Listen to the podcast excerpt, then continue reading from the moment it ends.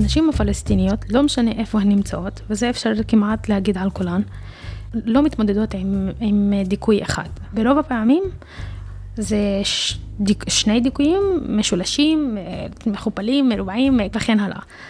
זה התמודדות של שתי מציאויות, גם עם מערכת uh, הכיבוש הקולוניאלית וגם עם החברה עצמה.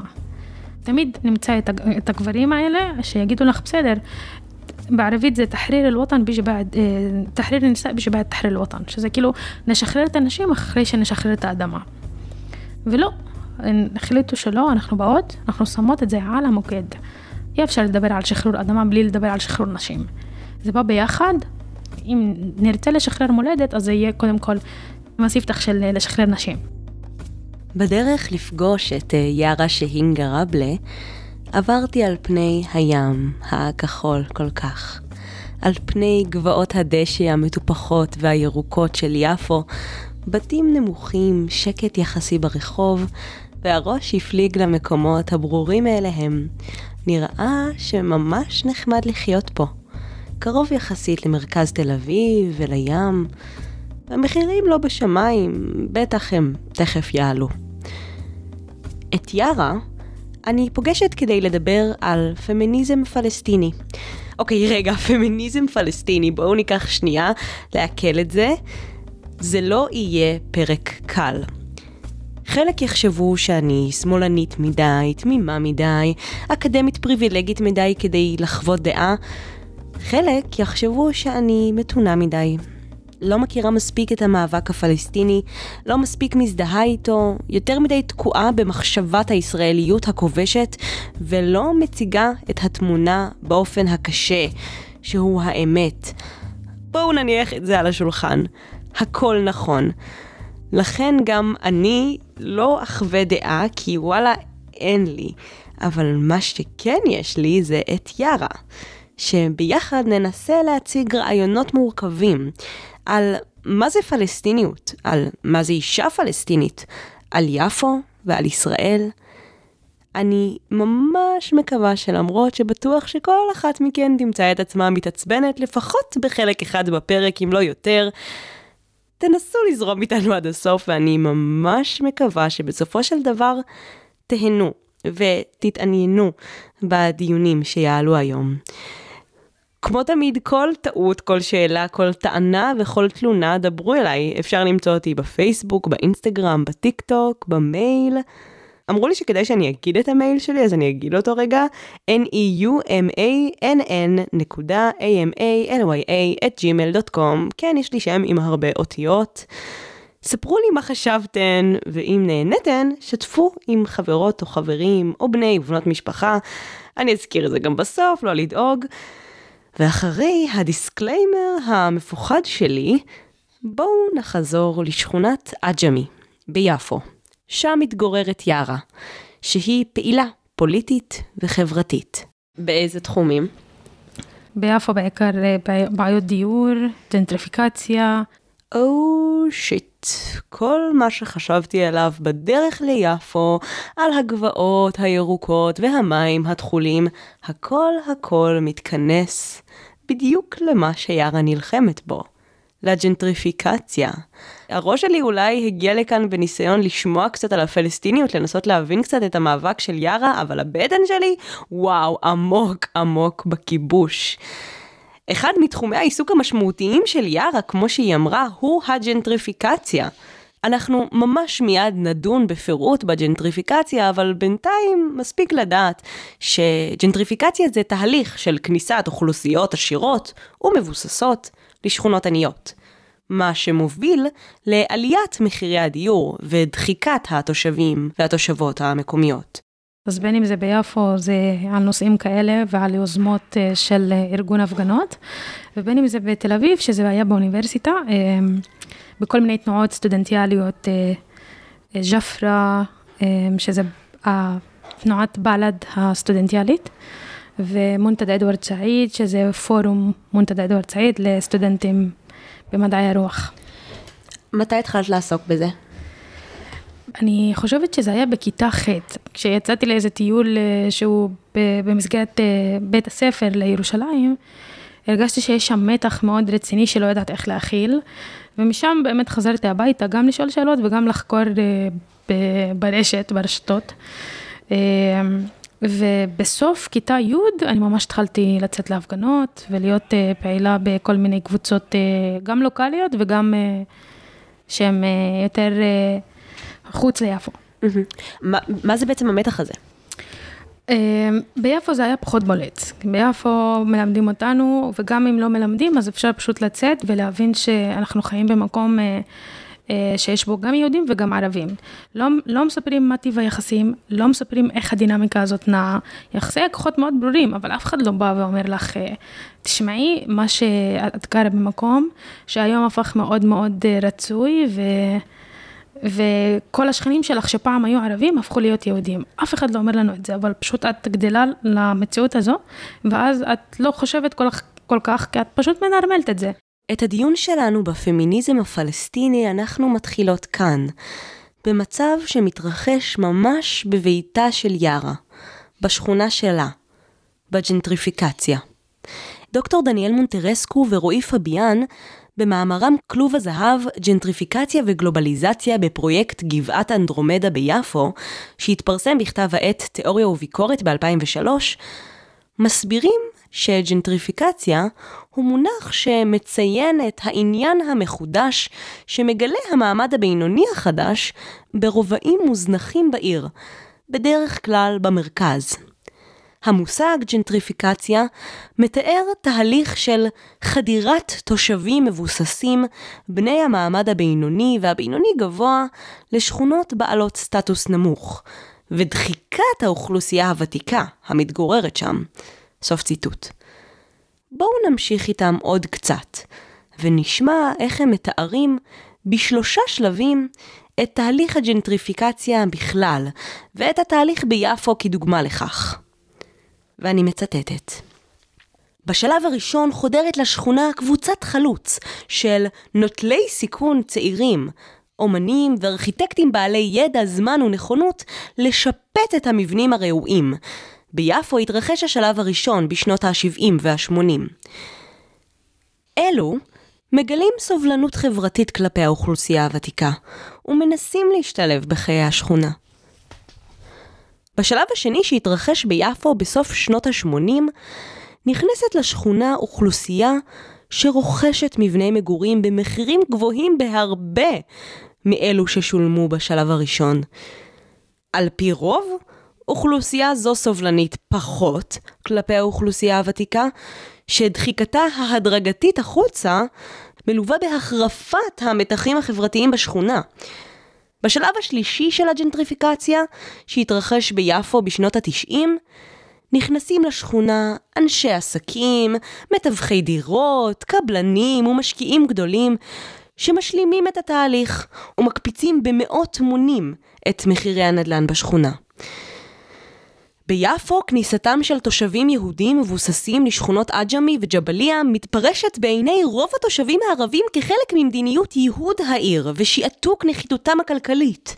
ואילו בעיני המתכננים העירוניים וחלק מהתושבים היהודים, התהליך מסמן את האפיק היחיד למינוף העיר ולחיזוק האוכלוסייה. סוף ציטוט. במאמר המדיניות המרחבית ביפו בין 48 ל-90 של אנדרי אליאס מזאווי ומכרם חורי מחול משנת 91, מתארים השניים את המצב העירוני-חברתי ביפו כתהליך של מחיקה, לא מקרית ולא אקראית, מחיקה מכוונת וברורה. אין יותר יפה, עכשיו זו יפו.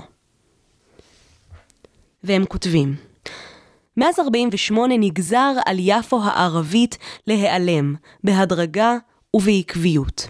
העיר נמחקה ברובה הגדול על מנת לפנות דרך לתהלוכת ניצחון של מדיניות מרחבית, במסווה של תכנון עירוני. כרי דשא, בתים משוחזרים, סגירת הנמל וניתוקה של יפו מנגישותה לים.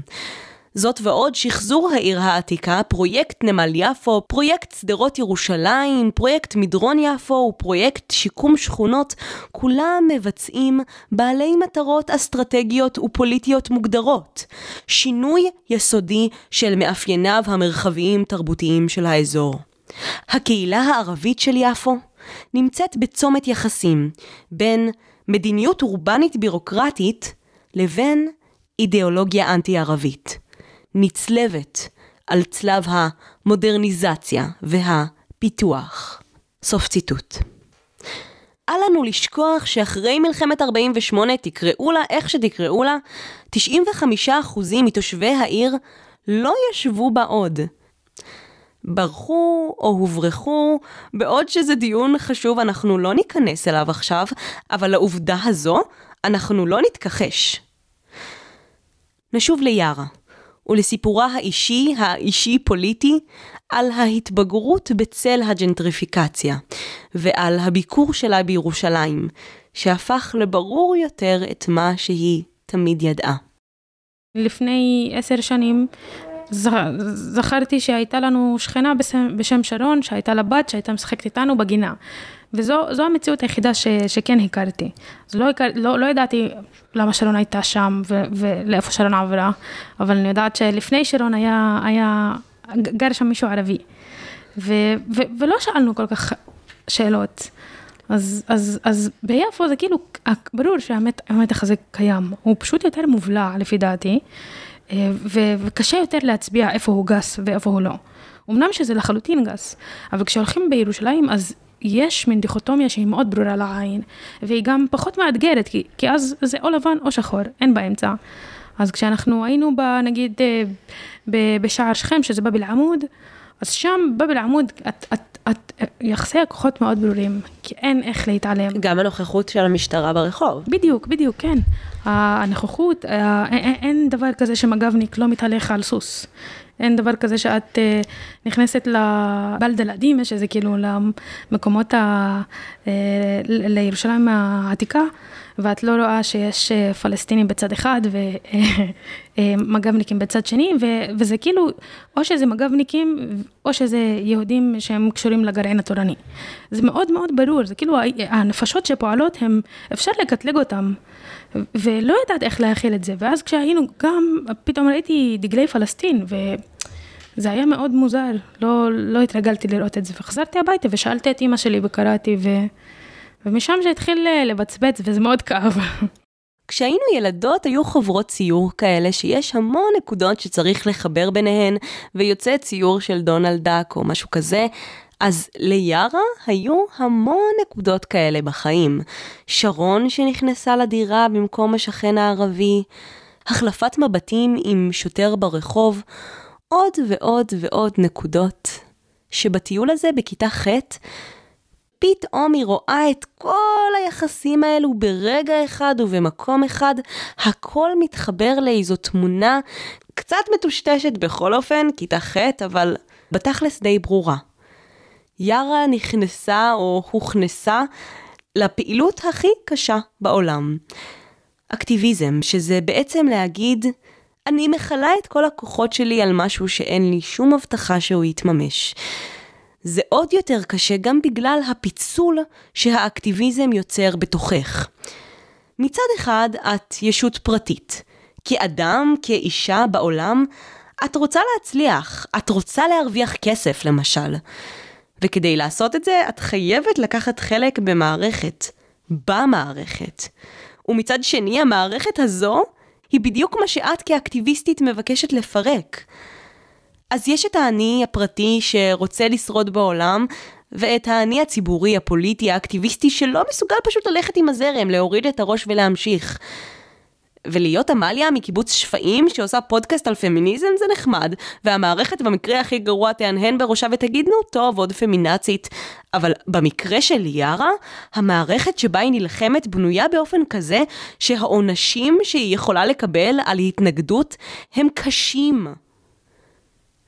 וזה תמיד מפחיד להיות אקטיביסטית, ומפחיד במיוחד כשאת לא בצד השולט. לכן תהיתי היכן יארה גדלה? היכן על הציר בין האישי לפוליטי ממוקם הבית שלה? אז האם האקטיביזם אצלך בבית זה, זה דבר שהוא מוערך, או שזה דבר שהוא דווקא מפחיד? זה, זה גם וגם. אה, אני נולדתי למשפחה שזה אה, שלא דיברו אה, על אקטיביזם, זה בגלל הפחד, לא כי הם לא מאמינים בו. מאמינים בו, אבל בגלל הפחד הם נרתעים ומעדיפים שלא. ועם השנים, אני זוכרת ש... במאי 21, ישבנו, כל המשפחה הייתה פה אצלנו, ואני גרה אצל, עם סבתא שלי, והתחילו להגיד שאם לא יארה, אז אנחנו לא היינו עכשיו מדברים על שייח' ג'ראח, אנחנו לא היינו יודעים את הדברים האלה, אם יארה לא הייתה יוזמת את ההפגנות. וזה תהליך, וזה, וזה תהליך מדהים, כי את שואלת את עצמך כמה זה באמת אה, מקבל ביטוי, דה פקטו. ו, ו, וזה מתיש, כי את, את עולה ויש נקודת שיא שאת מגיעה אליה כאקטיביסטית, ואז משם זה חוזר אה, חלילה, יורד, ואז שוב עולה, זה מין עליות ומורדות, אבל מתמשכות וחדות. ו, ואז אה, כששמעתי קרוב שלי שהוא אומר את זה, אז הבנתי שזה, שזה שינוי שכן צריך לראות אותו, שלא מובן מאליו. אז, אז אני כן באה ממשפחה שהיא יחסית מאוד פסיבית, אבל מפחד. כשדוד שלך באמת דיבר על, על, על הנוכחות של האקטיביזם בבית בזכותך, כאילו זה מבחינתך היה נוכחות דה פקטו של העניין. כן. Um, מה זה פחד? מה מפחיד בעצם? זה כמו שהולכים ל... לא יודעת... אה, עושים רדיפות פוליטיות, אה, מקארט, מקארטיזם אה, בארצות הברית, נקודה שחורה, רשימות שחורות, זה ברמה הזאת. אני גדלתי ואימא שלי עד כיתה ח' הייתה אומרת לי, אה, לא נקודה שחורה, נקודה שחורה, ואני אני לא הבנתי אף פעם מה הנקודה השחורה הזו. אחרי זה, זה, זה הפך להיות פחד אמיתי, כי אני... כמו שאומרים, נפגשתי באח הגדול, והבנתי שהנקודה השחורה הזאת היא נקודה אמיתית. כן. וזה לא משהו שמרתי עם אנשים בו. שה-X בתיק האישי באמת נרשם בתיק האישי. כן. אמ, אבל זה פחד ממשי, שכאילו אז, אולי כי הייתי קטנה, אז, אה, או יותר נאיבית נגיד, היה לי, ותמיד כשאנשים... אני, אני מאמינה בזה שכשאנחנו יותר צעירים, אז כאילו את יותר מהפכנית, ללא מעצורים. ו, ואת פחות לוקחת אחריות, כי את גם בתחילת הדרך. ואז לא הבנתי למה היא אומרת לי את זה. היום בדיעבד אני כן יכולה להבין את זה, אבל אני לא חושבת שזה לגיטימי. זאת אומרת, זה לא נותן את ה... אה, את הלגיטימציה של לא לדבר על זה. זה מפחיד, אבל חייבים לדבר על זה. אנחנו מדברות על לעשות שינוי, ויש משהו בדבר הזה, בלעשות שינוי, שהוא כל כך מורכב, כי את מתנדנדת בין שני עולמות. קצת כמו שדיברנו מקודם על הריקוד המורכב של האני האישי מול האני הפוליטי, גם כאן האקטיביסטית מנסה לרקוד את הריקוד המורכב של לעשות כמה שיותר שינוי, למתוח את החבל כמה שהיא יכולה, בלי שהוא ייקרע. סבתא שולה לימדה אותי שאם אני רוצה לקפל שוקולד חם לקציפת חלבונים קרה, אני חייבת קודם כל להעביר קצת מהשוקולד לקציפה, לקפל אותו פנימה בעדינות, להשוות את הטמפרטורה ורק אז, עם סבלנות, להוסיף עוד קצת ועוד קצת כדי לא לשבור את הקצף. אבל מה לעשות שהקציפה של האקטיביסטית זו המציאות שלה, ואין לה סבלנות עכשיו לקפל בעדינות את השינוי פנימה? אז מה שקורה זה שגם הקציפה קורסת וגם השוקולד נהרס, וצריך להתחיל מההתחלה, או לוותר. את רוצה לעשות את השינוי, אבל אסור לך לעשות אותו מהר מדי, כדי שלא תהרסי לעצמך את כל העבודה הכל כך מורכבת שעשית. בפרק הקודם אלכה פיוטרקובסקי אמרה שהיא לא מוציאה החוצה את האפשרות שמצאה בהלכה היהודית למשכב זכר. כי כשמוציאים פסק הלכה לא משנה כמה הוא טוב ומבוסס וחשוב, אם הוא רדיקלי מדי, הוא שורף את עצמו. צריך לעבוד בסבלנות. כשהעליתי לטיקטוק שאני עומדת לעשות פרק על פמיניזם פלסטיני, קיבלתי את התגובות הצפויות שלא יכול להיות פמיניזם פלסטיני, כי זו חברה שמרנית ופטריארכלית. נו יופי. לא יכול לקרות שינוי בחברה שמרנית, אז בואו כולנו נקפל את דגל הליברליזם והמודרנה ונהגר לקנדה. לא, זה לא מה שאנחנו רוצות לעשות, אנחנו נשארות בחברה שלנו ומבקשות לשנות אותה מבפנים, לא לוותר. ויארה? ויארה כמנהיגה אקטיביסטית אישה בחברה פלסטינית, עומדת במשימה של למתוח את החבל בלי לקרוע אותו בגבורה. אני, אני מאוד התמודדת עם, עם זה ב, ביפו, לצורך העניין, ביפו. כי אני הייתי מארגנת את ההפגנות, והיינו מגיעים למצב שבמאי 21, ההפגנות היו מלאות, פעם ראשונה בתושבים ותושבות יפואיות, וילדה קטנה, לכאורה, מנהיגה את ה... את ה את, ה, את כל מה שקורה ואת ההפגנה הזאת, ואנשים חוזרים אח, אחריי בסיסמאות, אנשים שכוללים שייחים, גברים, ממש אה, בצורה הכי סטריאוטיפית ובצורה הכי מובנית ושמרנית, ואנשים חזרו אחריי. לפעמים כשאנחנו חלק מדינמיקה שהיא יותר גדולה מאיתנו, אז זה דורש שנייה לנסות להבין ולשאול את עצמי איך אני הופכת למישהי שהיא... תוכל למצוא את המחנה המשותף, גם אם יש פה משהו שאני לא יכולה להתמודד איתו מבחינת דיכוי, כי זה מדכא אותי, כן? אז זה ממש, כמו שאומרים, פיין ליין, בין איך לא לשעתק את הדיכוי ולהפנים אותו על עצמי, לבין לקחת אחריות ולחולל שינוי בהדרגתיות. אני תמיד שמה לב למה אני מתלבשת.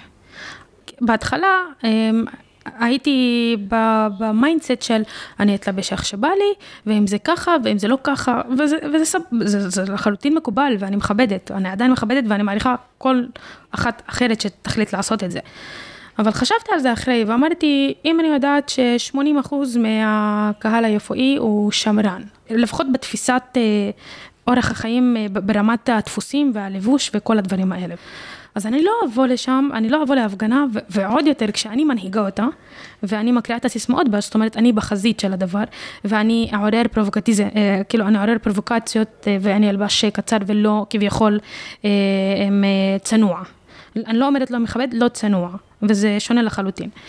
ואז חשבתי על זה, ואני בן אדם שבדרך כלל אה, המלבוש שלי לא, לא מסגיר אותי, ואני מתלבשת אה, באמת איך שבא לי.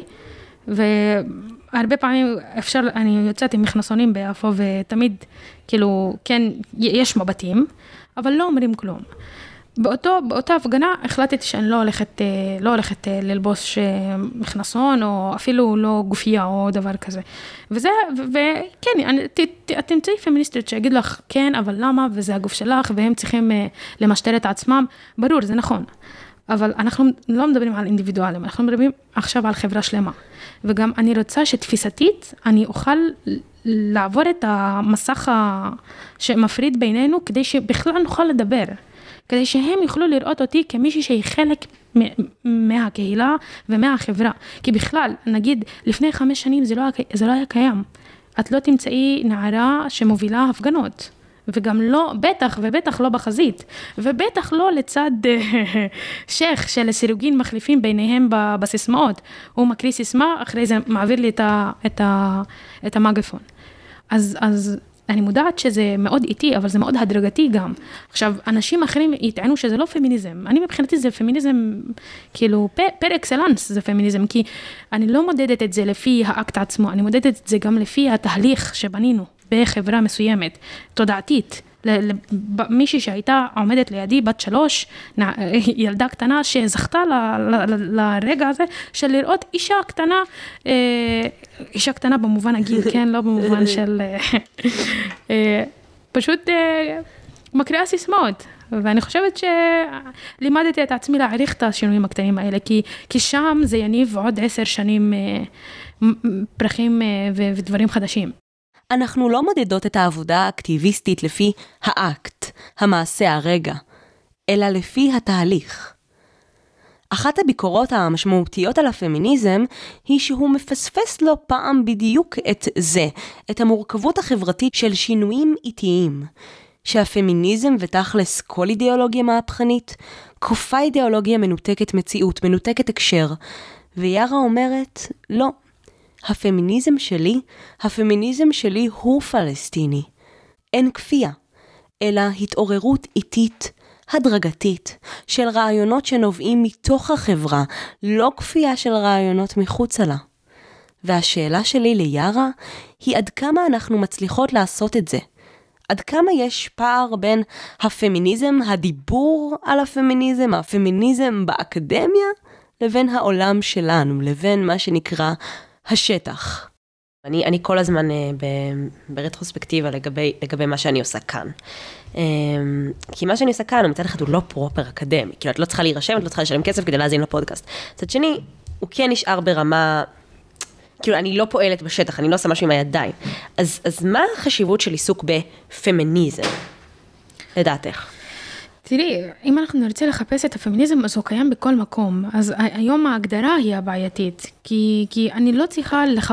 לטעון או שמשהו הוא פמיניסטי, כי הפמיניסטי קיים בכל, בכל רובד בחיים, בכל דבר, הוא קיים. הרי הפמיניזם זה לא רק איפה, איפה שיש נשים, זה גם אה, ראייה מאוד שוויונית ומאוד צודקת. זה, זה משהו צודק, לא פחות מהיותו חותר לשוויון מגדרי, או שוויון בין, אה, בין המינים וכן הלאה.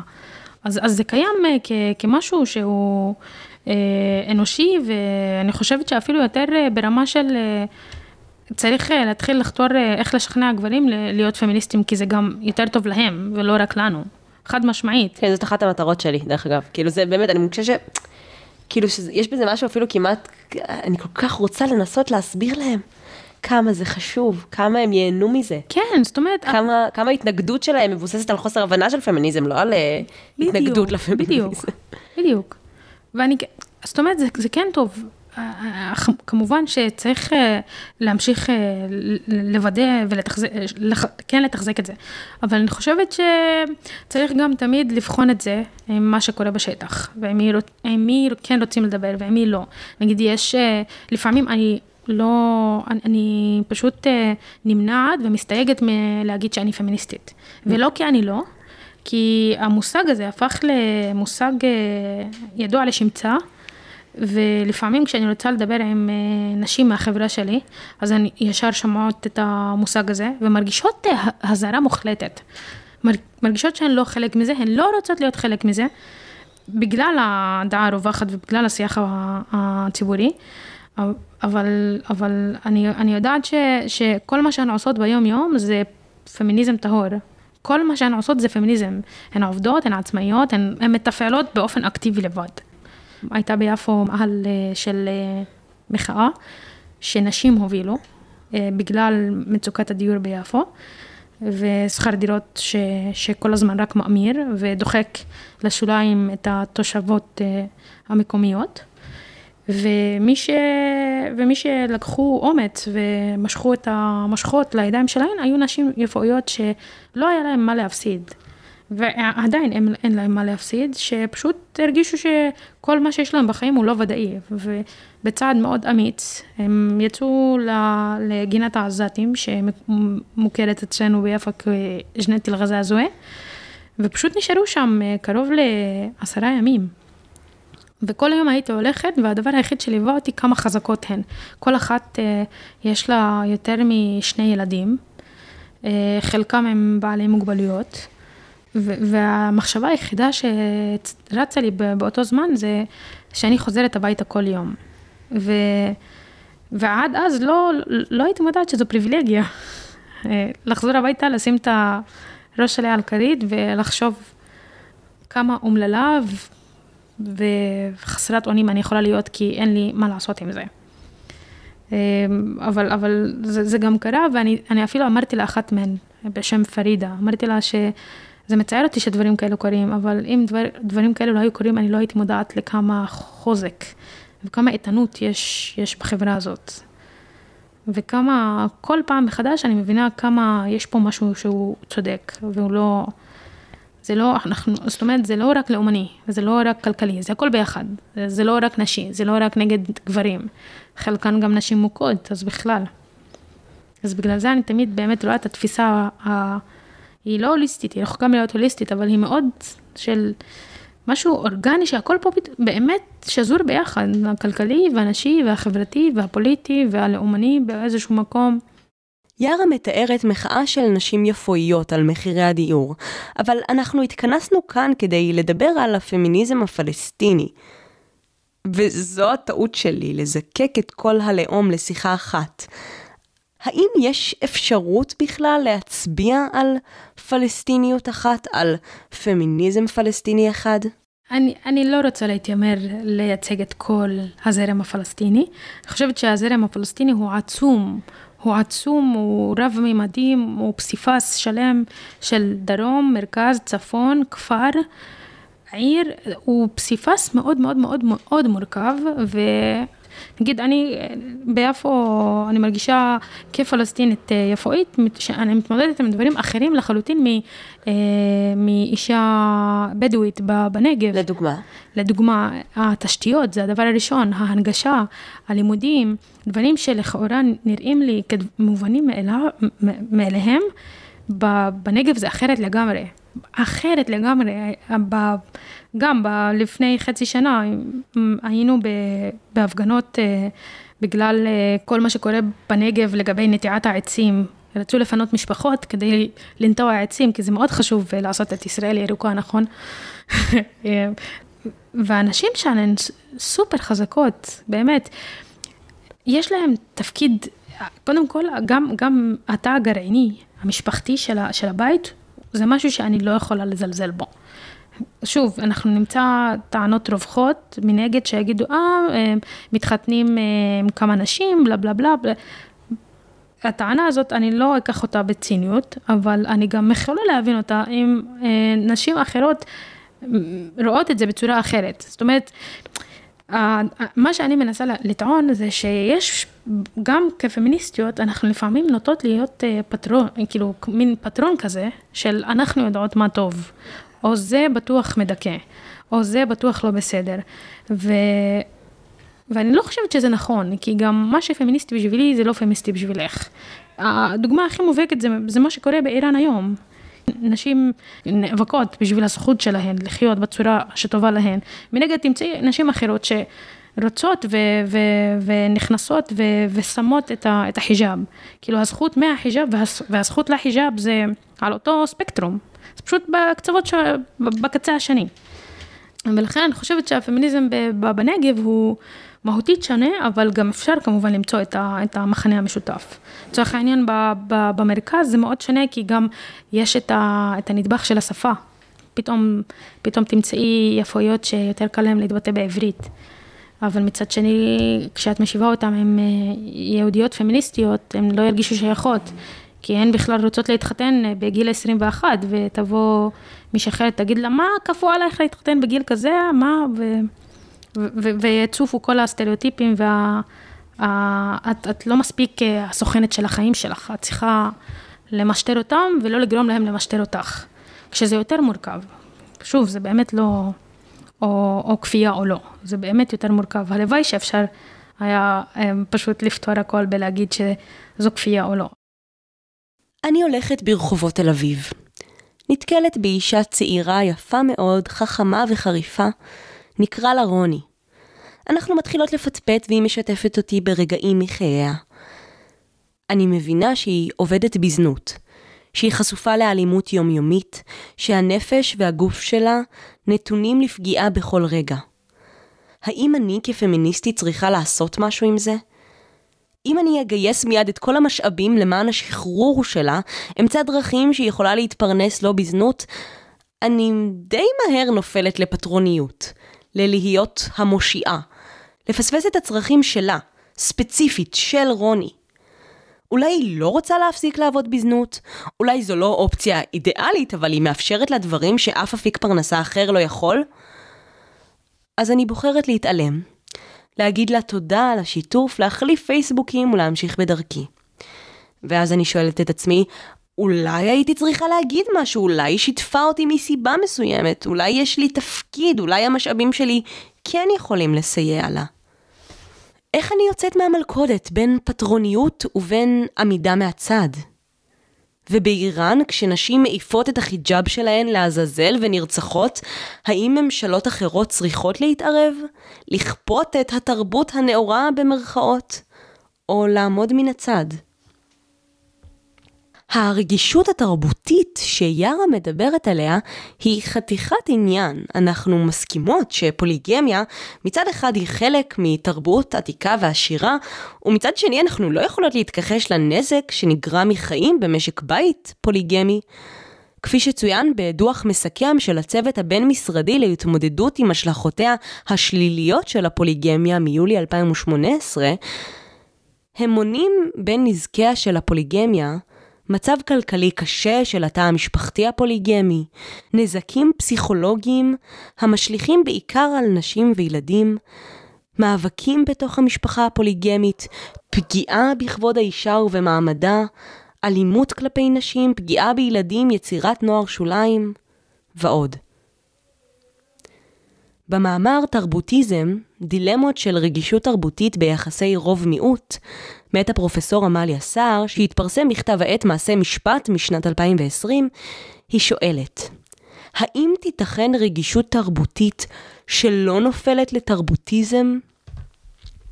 היא טוענת שרגישות תרבותית, ואני מצטטת, היא העמדה הגורסת שמרכיבים שונים של התנהגות תרבותית, כמו טעם וסגנון, העדפות חברתיות, עמדות מוסריות וכן הלאה, מקבלים משמעות בתוך הקשר כולל.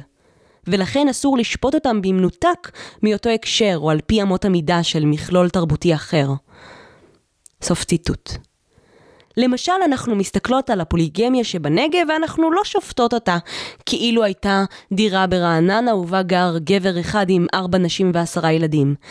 אלא אנחנו מנסות להבין את הפוליגמיה בהקשר ספציפי של הבדואים בנגב. בקיצור, לא לנתק את האירוע שאנחנו מדברות עליו מההקשר. תרבוטיזם הוא שיח שמתמקד בקבוצות מיעוט ומייחס תופעות שונות בהוויה החברתית והפוליטית שלהן לתרבות. התרבוטיזם נוטה להתמקד בנשים ולהתאפס לסממנים חיצוניים של דתיות ופטריארכליות תוך המעטה במשקלם של גורמים היסטוריים, מבניים ופוליטיים. סוף ציטוט. כשאנחנו מדברות בשיח שחוטא לתרבוטיזם, אנחנו מתייחסות לשונות של קבוצת מיעוט מסוימת. נגיד של הבדואים בנגב, תוך ייחוס דימויים פופולריים אליה, שלא קשורים למציאות. כלומר, נגיד אם אני מחוקקת, ואני צריכה להחליט איך להתמודד עם תופעת הפוליגמיה, אני אפעל על פי הסטיגמות שאני מכירה, לא על פי המציאות שקיימת בשטח. אני אפעל על פי המחשבה הנפוצה בקהילה שלי לגבי קבוצת המיעוט שאני מחוקקת עבורה. אני אאמץ בשמחה את הרעיון היפה של סובלנות תרבותית, ובגלל שאני כה נאורה, אני אכבד את התרבות של השבט בנגב, ולא אגע בו. אבל אותה התרבות שלו, שאני מבקשת להיות סובלנית כלפיה, היא בכלל בתוך הראש שלי, בתוך הסטיגמות שנוצרו בקהילה שלי ואין לה קשר למציאות. למשל, ואני מצטטת את סער, שיעורים גבוהים של פשיעה, עוני, נשירה מבית הספר או אלימות מגדרית בקרב קבוצות מיעוט, זוכים להסברים דתיים או תרבותיים, וכאילו אנחנו אומרים, מדובר בהתנהגויות שהן נורמטיביות לדת או לתרבות של המיעוט. לעומת זאת, אותן תופעות בקרב נשים או אנשים בעלי פרופיל דתי וגזעי של הקבוצה השלטת, מוסברות כסטייה אישית, ולא כנורמה דתית או תרבותית. לכן את הפוליגמיה בנגב אנחנו נגנה, אבל לא נפעל כלפיה כי היא נורמלית בתרבות שלהם. בעוד שאם נראה פוליגמיה ברעננה, נחשוב שמי שפועל כך הוא סוטה מהתרבות ונפעל כדי לשנות. אז נעשה שנייה סיכום ביניים. אנחנו רוצות להיות רגישות תרבותית ולהתייחס לתופעות של קהילות מסוימות בהקשר שלהן, אבל אנחנו לא רוצות לחטוא בתרבוטיזם בכך שנגנה מוסרית את התופעה שאנחנו בוחנות, אבל שנימנע מהטיפול בה בשם קבלת האחר. אז מה נעשה? איך כמו יערה נפעל לשינוי, אבל לא נתעלם מההקשר התרבותי? סער טוענת שכדי שרגישות תרבותית לא תיפול לתרבוטיזם הזה, להימנעות מפעולה בשם הרגישות התרבותית, עלינו להביא בחשבון את זה שהתרבות קשורה ביחסי כוח, ושבכל רגע מתקיימים בתרבות ריבוי של קולות. כלומר שהתרבות האחרת היא לא איזה גוש מוצק של אנשים מסורתיים ופוליגמיים, אלא שיש גם דעות שונות בתוך הקהילה הזו. גם הקבוצה השולטת והמדכאת וגם קבוצת המיעוט צריכות להסתכל על עצמן. להפנות את מבטן אל המקום שבו הן נמצאות, ולהבין שגם הן מעוצבות על ידי אינטרסים פוליטיים. בדוגמת הפוליגמיה, נוכל לראות דוגמה מדהימה. תחת שלטון ישראל שיעור הפוליגמיה עלה פלאים, והגיע הרבה מעבר להיקף התופעה במדינות בעלות רוב מוסלמי. מה שזה אומר, זה שאין באמת דבר כזה תרבות אותנטית, אלא שיש אינטרסים פוליטיים בבסיס התופעה. ההצעה של סער לפתרון סוגיית הפוליגמיה, שלא חוטא בתרבוטיזם, הוא שהמדינה צריכה לאכוף את חוק איסור הביגמיה, כלומר שריבוי נשים מהווה עבירה פלילית, בשם הערך הליברלי של שוויון מגדרי. ואיך היא תעשה את זה? עליה להביא בחשבון קולות מגוונים מתוך קבוצת המיעוט.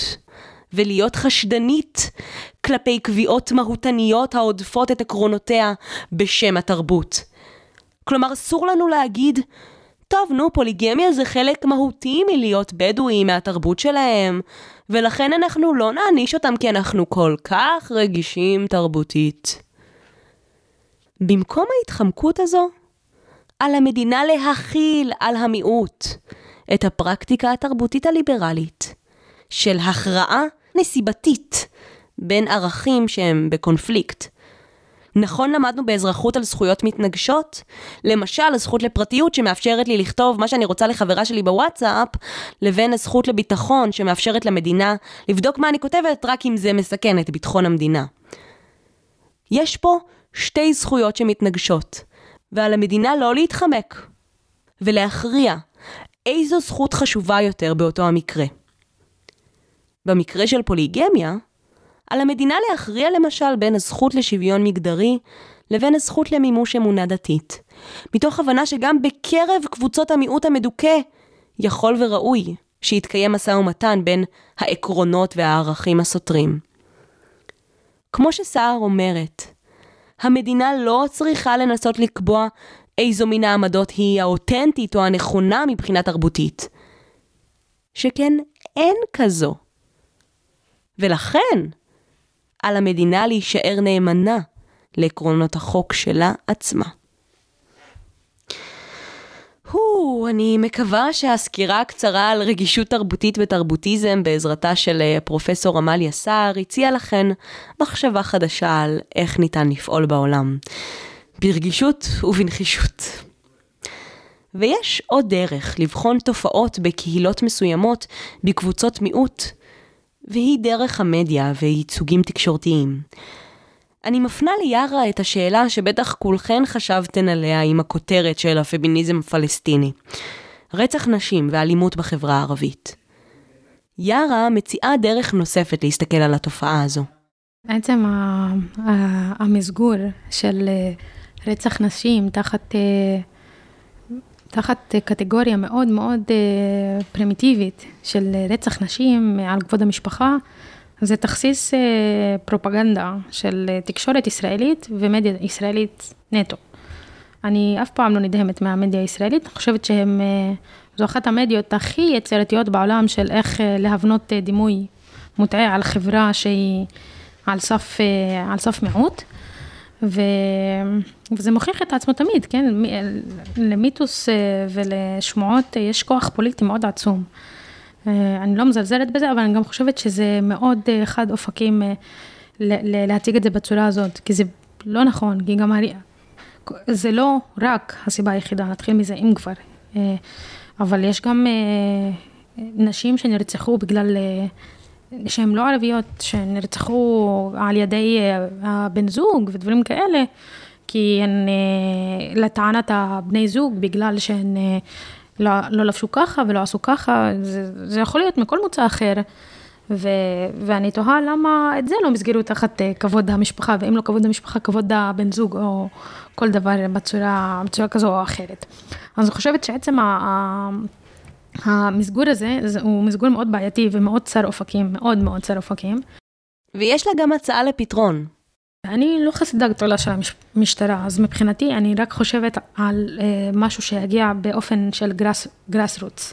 לטפח כמה שיותר מוקדים והתארגנויות אה, אזרחיות אה, שיגיעו מהתושבים עצמם.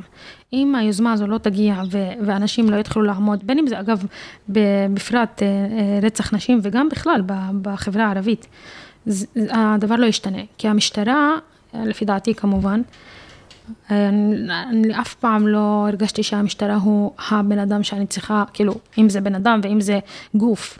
זה לא הגוף שאני סומכת עליו, וזה לא הגוף שרציתי לראות בתוך יפו, או בכל כפר אחר. בכפרים גם אין, זה עדיין בתהליכים של לנסות להכניס, לטפטף אה, את הגוף הזה לתוך הכפרים, אבל זה לא מתקבל כל כך באהדה.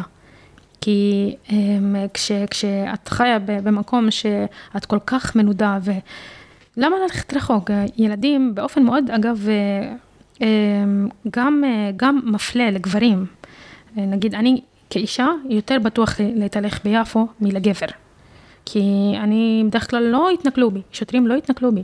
וזה, וזה משהו to point out, כי אם, אם, אם, אם אתה נער בן 13, סביר להניח אתה תהיה טיפה שחום, אתה לא תצא מזה, אתה לא תצא מזה נקי. תמיד יש ההתנכלויות של השוטרים ב, בילדים בני 13 ואפילו יותר קטנים, תמיד עוצרים אותם, תמיד אה, אל תשחק פה, אל תעשה ככה עם, ה, עם האופניים, אה, תן לי תעודת זהות, אף על פי שהוא בן 13, איך הוא ייתן לך תעודת זהות, נתחיל מזה, הוא קטין. וכל מיני uh, התנכלויות באמת ממושכות ואז תוהים למה הגוף של המשטרה הוא גוף אה, אה, בעייתי במקומות מסוימים. עכשיו ביפו זה מקרה אחד, כן? אבל זה, זה ידוע, גם המשטרה ידועה מה, מה טיב היחסים בינה לבין אה, התושבים. זה לא יחסים, זה, זה abusing וזה, היחסים היחידים זה היחסים של איך להתעלל בנערים. ואז שואלים למה הנערים גדלים למציאות שבה הם... אה, או מלאי זעם, או תוקפים, או אה, מוכרים סמים, או או או, שזה בדרך כלל מסתיים בצורה לא טובה. אה, אני לא חושבת שהמשטרה תוכל לסייע לנו, אני דווקא מזהה שהמשטרה היא הגורם של הבעיה ולא תפעל לפתרון. בלוד אלף פעם נשים נרצחו והם קראו והם התקשרו למשטרה והמשטרה הייתה מנפנפת ואז היו נזכרים ומשכילים לעשות משהו כשהיא כבר לא איתנו ולא בחיים.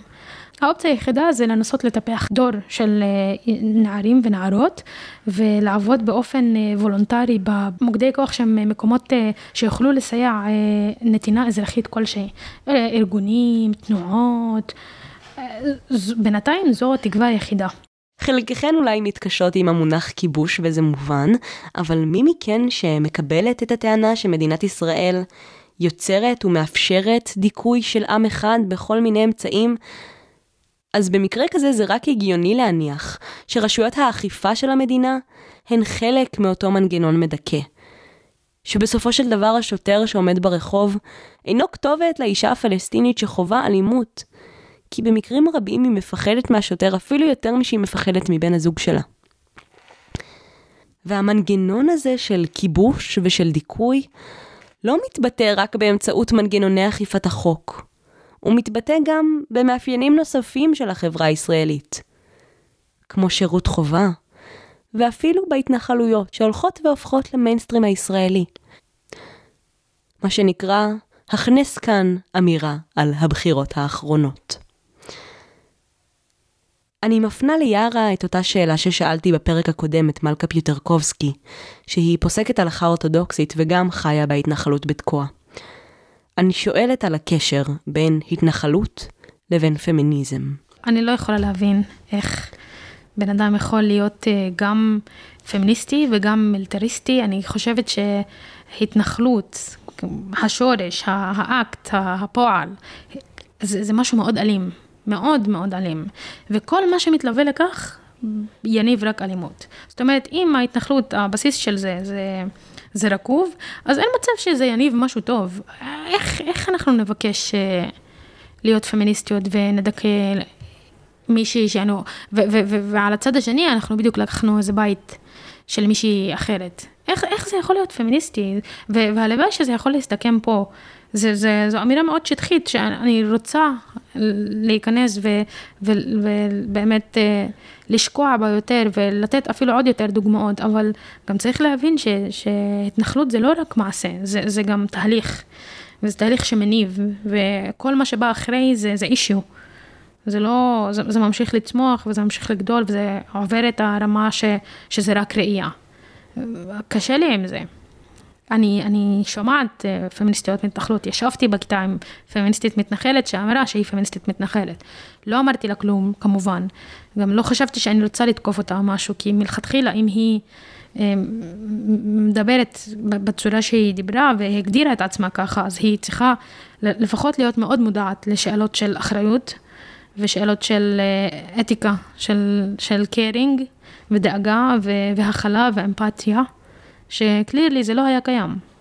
ולקראת סיום, פניתי לטיקטוק שלי, כולכן מוזמנות לעקוב אחריי, לבקש שאלות על פמיניזם פלסטיני. אתן ודאי לא מופתעות מכך שקיבלתי מלא תגובות לא נעימות בלשון המעטה, אבל גם כמה יפות. ובחרתי כמה ושאלתי אותן את יארה. אילן שואל, איך את חושבת שאפשר לקדם את מעמד האישה הפלסטינית בשטחים? אחוזים של רצח נשים בתוך הקו הירוק בקרב החברה הערבית הוא יותר גבוה ממה שהוא מחוץ לקו הירוק. רק נקודה, נקודה למחשבה. זה נורא מעניין, למה? מאוד מעניין. תראי, יש כל מיני טענות אה, בתיאוריות. כן. לא יודעת איזה להאמין. כן, בחוגים שלנו לא שואלים למה כבר, נכון? זה כאילו, אני לא יכול להגיד. או, או שפתאום אומרים לך, תראי, יש על זה מחלוקת. כן, יש הטוענים. אני אצדד אה, תיאוריה די מעניינת, נגיד בקרב אה, של, אה, של סמי אבו שחאדה. שהוא גם בין היתר חקר את יפו, כתב את הדוקטורט שלו על יפו, אמ, והוא טען ככה. עכשיו שוב, זה לא נותן לגיטימציה, אבל זו טענה מעניינת. הוא אמר שלטענתו, אמ, ב-48, אז יפו נפלה, ככה אומרים. זאת אומרת, אה, כבשו את יפו, אה, מבצע אה, חמץ, כל העניין הזה, ובאותה תקופה גברים הרגישו שהם הפסידו את הגבריות שלהם. במובן הכי... את יודעת, טוקסיק מסקולניטי. יש גבריות, הם היו צריכים להגן על המולדת, והם לא ידעו איך לעשות את זה, והם לא הגנו, כי יפו נפלה, ו... וזהו, הם נכבשו, והאדמות נלקחו. ואז בתקופה הזאת, אה, הגברים לא ידעו איך להתמודד עם זה, והיה סם שהוא היה מאוד מוכר באותה תקופה בשם סם אפיון. והם התחילו להשתמש בסמים ולהיות אה, יותר מרוששים אה, מבחינה כלכלית ונשארו בבתים ולא לא עבדו ולא עשו כלום. ואז באותה תקופה נשים יצאו ועבדו ועשו את כל מה שהן עושות עד היום למעשה. אה, אבל משם גברים הפכו ליותר אה, תוקפניים ו, וזה כאילו, גם הם הפנימו את הדיכוי. הם הרגישו שהגבריות שלהם נלקחה אה, וכתוצאה מכך הם גם הרגישו שהם מעבירים את הדיכוי שהם עברו. אמנם שגברים ונשים עברו את הדיכוי, כן? לא שהאדמה נלקחה רק מהגברים, תגידי, לא יודעת. אבל, אה, אבל זה היה במובן מאוד מצ'ואיסטי, פטרוני, מאוד, אנחנו הגברים של חלוקת תפקידים מאוד ברורה. הם היו צריכים להגן על האדמה, הם לא יכלו לעמוד בזה. וכתוצאה מכך הם הפנימו את הדיכוי הזה והעבירו אותו לנשים. וזה מה שמעורר את התופעה הזאת. ואז זה, זה, זה, זה מקשר אותנו לטענה של, של תנועת טלעת, שהם גם אומרים ש... איך, לא משנה איך תהפכי את זה, זה קשור לכיבוש. עכשיו, לא שבשטחים זה לא כיבוש, אבל אה, זה, זה, זה עוד מונח שמעלים אותו פה בהקשר ל... ל deep state, לקולוניאליזם הפנימי, שאת מנהלת משהו בתוך משהו וזה כור היתוך אחד גדול ויש לך כל מיני מדיניות לתחזק והחברה הפלסטינית ב, בתוך הקו הירוק היא עדיין חברה שיש בה פשע ורצח ו, וסמים, וצריך לשאול למה, צריך לשאול איך. כן, אולי גם למישהו יש אינטרס שהחברה ת, ת, תבלע את עצמה. כן. בפרק הראשון שעשיתי עם דוקטור אורית קמיר, mm-hmm. היא דיברה על הציונות כמפעל אה, מצ'ואיסטי. אפשר גם לראות איך איזושהי, איך, איך כיבוש של מישהו ש, של, ש, שהיה לו צורך לממש את הגבריות בעצם זה לייצר נשיות אצל, אצל העם הנכבש. Mm-hmm. סופר מעניין, וגם אני חושבת שכולה, ש, שכל כל החברה הישראלית היהודית מאוד מאוד, המיליטריזם הטבוע בה, מאוד, אה, כל כולו גברי.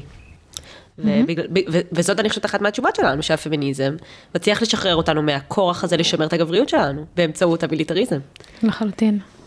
יש את השאלה, אם את יכולה להתייחס, אה, למהפכת החיג'אב שמתרחשת כעת באיראן.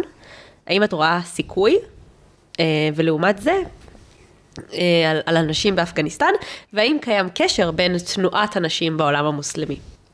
וואו, חתיכת שאלה. אנחנו התייחסנו לזה מקודם במשפט, אבל uh, אני חושבת שזה ממש מרתק מה שקורה באיראן, כי זה ממש מראה לנו איך uh, פריבילגיה של מישהי יכולה להיות דיכוי למישהי אחרת.